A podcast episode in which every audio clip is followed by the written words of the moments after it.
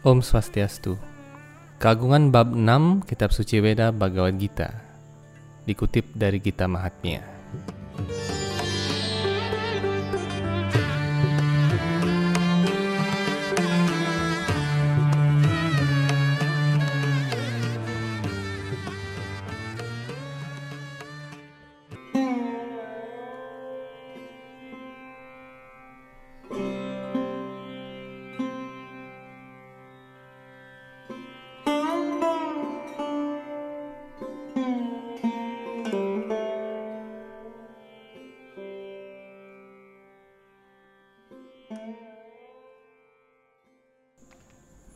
Sri Wisnu berkata, Sekarang aku akan menyampaikan kepadamu keagungan bab 6 Srimad Bhagavad Gita.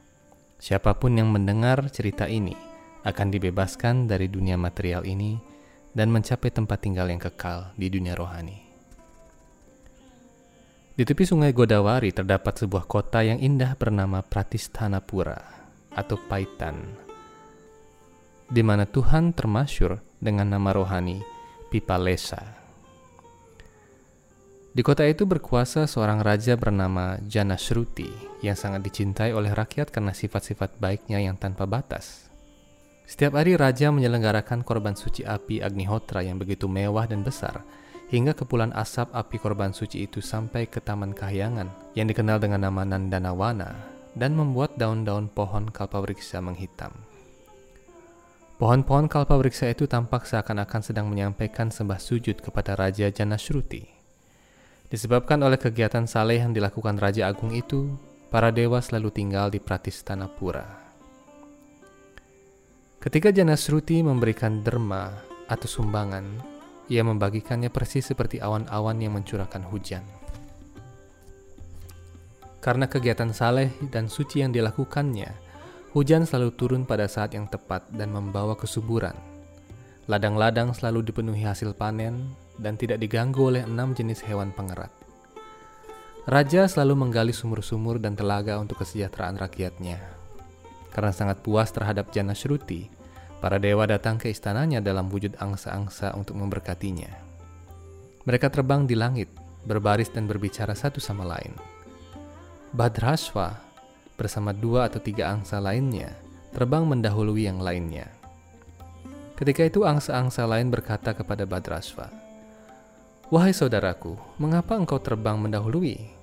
Tidakkah engkau melihat di depanmu ada Raja Agung Janashruti yang begitu perkasa, sehingga ia dapat membakar musuhnya hanya atas dasar kekuatan keinginannya saja? Ketika Badraswa mendengar kata-kata angsa lainnya, dia mulai tertawa dan berkata, Wahai saudaraku, apakah Raja Janashruti ini seperkasa Risi Agung Raikwa? Ketika raja mendengar kata-kata angsa-angsa tersebut, ia langsung turun dari balkon istananya yang tinggi dan dengan gembira duduk di singgasananya. Ketika itu ia memanggil kusir keretanya dan memerintahkan agar kusirnya pergi mencari Resi Agung Raikwa. Ketika kusir kereta yang bernama Maha itu mendengar perintah raja, ia menjadi sangat gembira dan segera berangkat mencari Raikwa. Pertama-tama ia pergi ke Kashi, tempat berstananya Wiswanata, wujud lain Dewa Siwa. Berikutnya ia pergi ke Gaya, tempat berstana Sri Gadadhara, yang adalah Sri Wisnu sendiri, yang memiliki mata bagaikan bunga padma dan dapat membebaskan semua makhluk dari belenggu kelahiran dan kematian. Setelah mengembara ke banyak tempat suci, ia sampai di Mathura, tempat yang dapat melebur segala dosa. Di tempat inilah Tuhan Sri Krishna tinggal. Semua resi agung, para dewa, kitab-kitab Weda, dan sastra-sastra lainnya tinggal dalam wujud pribadi mereka di kota ini, melaksanakan pertapaan dan mempersembahkan pelayanan kepada Tuhan Sri Krishna. Matura yang berbentuk rembulan sabit berada di tepi sungai indah yang memberkati bakti, yaitu Yamuna. Di wilayah itu terdapat bukit Gewardhana yang indah, yang meningkatkan kemegahan dan keagungan Matura Mandala, yang bagaikan permata besar dalam sebuah mahkota. Bukit itu dikelilingi oleh pepohonan dan tumbuhan merambat yang suci. Terdapat 12 hutan yang menakjubkan mengelilingi Matura, tempat Tuhan Sri Krishna menikmati kegiatannya yang menakjubkan. Setelah meninggalkan Matura, Maha pergi ke arah barat, kemudian ke arah utara. Suatu hari ia sampai di sebuah kota bernama Kashmir. Di sana ia melihat sebuah tempat yang sangat luas dan bercahaya. Di tempat itu semua orang bahkan orang bodoh pun tampak setampan para dewa disebabkan oleh kenyataan bahwa banyak api korban suci menyala secara terus-menerus. Tampak seolah-olah barisan awan selalu menggayut di atas kota itu. Arca para dewa, utamanya Dewa Siwa, yang dikenal dengan nama Manikeshwara, berada di kota itu. Raja Kashmir baru saja kembali setelah menaklukkan banyak raja setelah menaklukkan banyak raja lainnya dan ia sedang sibuk memuja Dewa Siwa. Disebabkan oleh pengabdiannya yang besar kepada Dewa Siwa, raja tersebut dikenal sebagai Manikeshwara. Di dekat pintu kuil, Maha melihat Resi Agung Raikwa sedang duduk di atas kereta kecil di bawah sebatang pohon. Ketika ia mengenali Raikwa sesuai dengan uraian Raja Janashruti, ia langsung bersujud di kaki sang resi dan bertanya, Wahai Resi Agung, di manakah Anda tinggal? Siapa nama lengkap Anda? Anda adalah kepribadian yang begitu mulia. Mengapa Anda duduk di tempat ini? Ketika Raikwa mendengar kata-kata Maha, ia berpikir sebentar lalu menjawab, Aku sudah puas sepenuhnya. Aku tidak membutuhkan apa pun. Ketika Maha mendengar jawaban ini, dalam hatinya ia dapat mengerti semua maksud itu. Ia segera pergi melakukan perjalanan panjang, kembali ke Pratistanapura.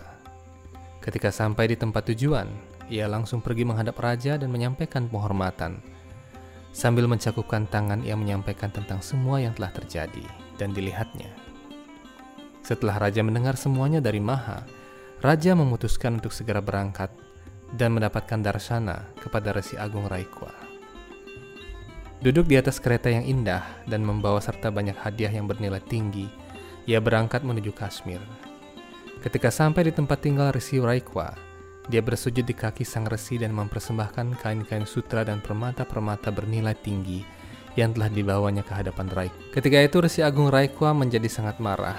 Ia berkata, Wahai Raja yang bodoh, Ambillah semua benda tanpa guna ini dan taruh di keretamu, dan pergilah dari tempat ini. Dengan rasa bakti yang besar, Raja langsung bersimpuh di kaki Raikwa dan memohon maaf.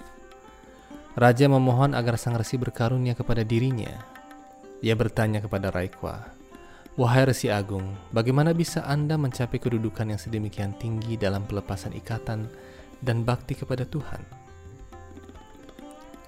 Karena merasa puas melihat perilaku rendah hati sang raja, Risi Raikwa menjawab, Setiap hari aku mengucapkan bab 6 Srimad Bhagavad Gita. Setelah itu Raja Janashruti mendengarkan dari Raikwa bab 6 Srimad Bhagavad Gita. Kemudian ia sendiri tekun setiap hari mengucapkan bab 6 tersebut. Setelah beberapa waktu, sebuah pesawat terbang dari bunga tiba dan membawa ia ke dunia rohani, Vaikuntaloka. Sementara itu Sang Risi Agung yang mengucapkan bab 6 Srimad Bhagavad Gita setiap hari juga dikirim ke dunia rohani, di mana dia tekun dalam pengabdian bakti kepada kaki Padma Sri Wisnu.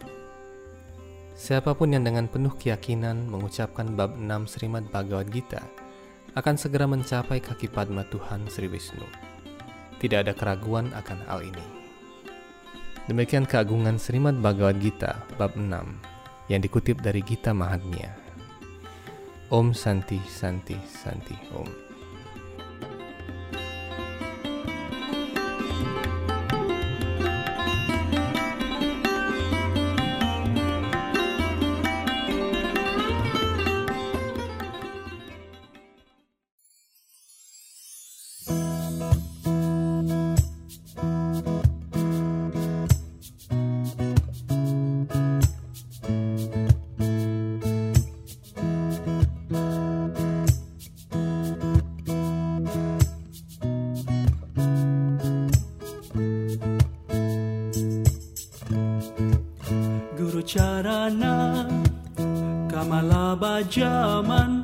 Guru Charana Kamala Bajaman.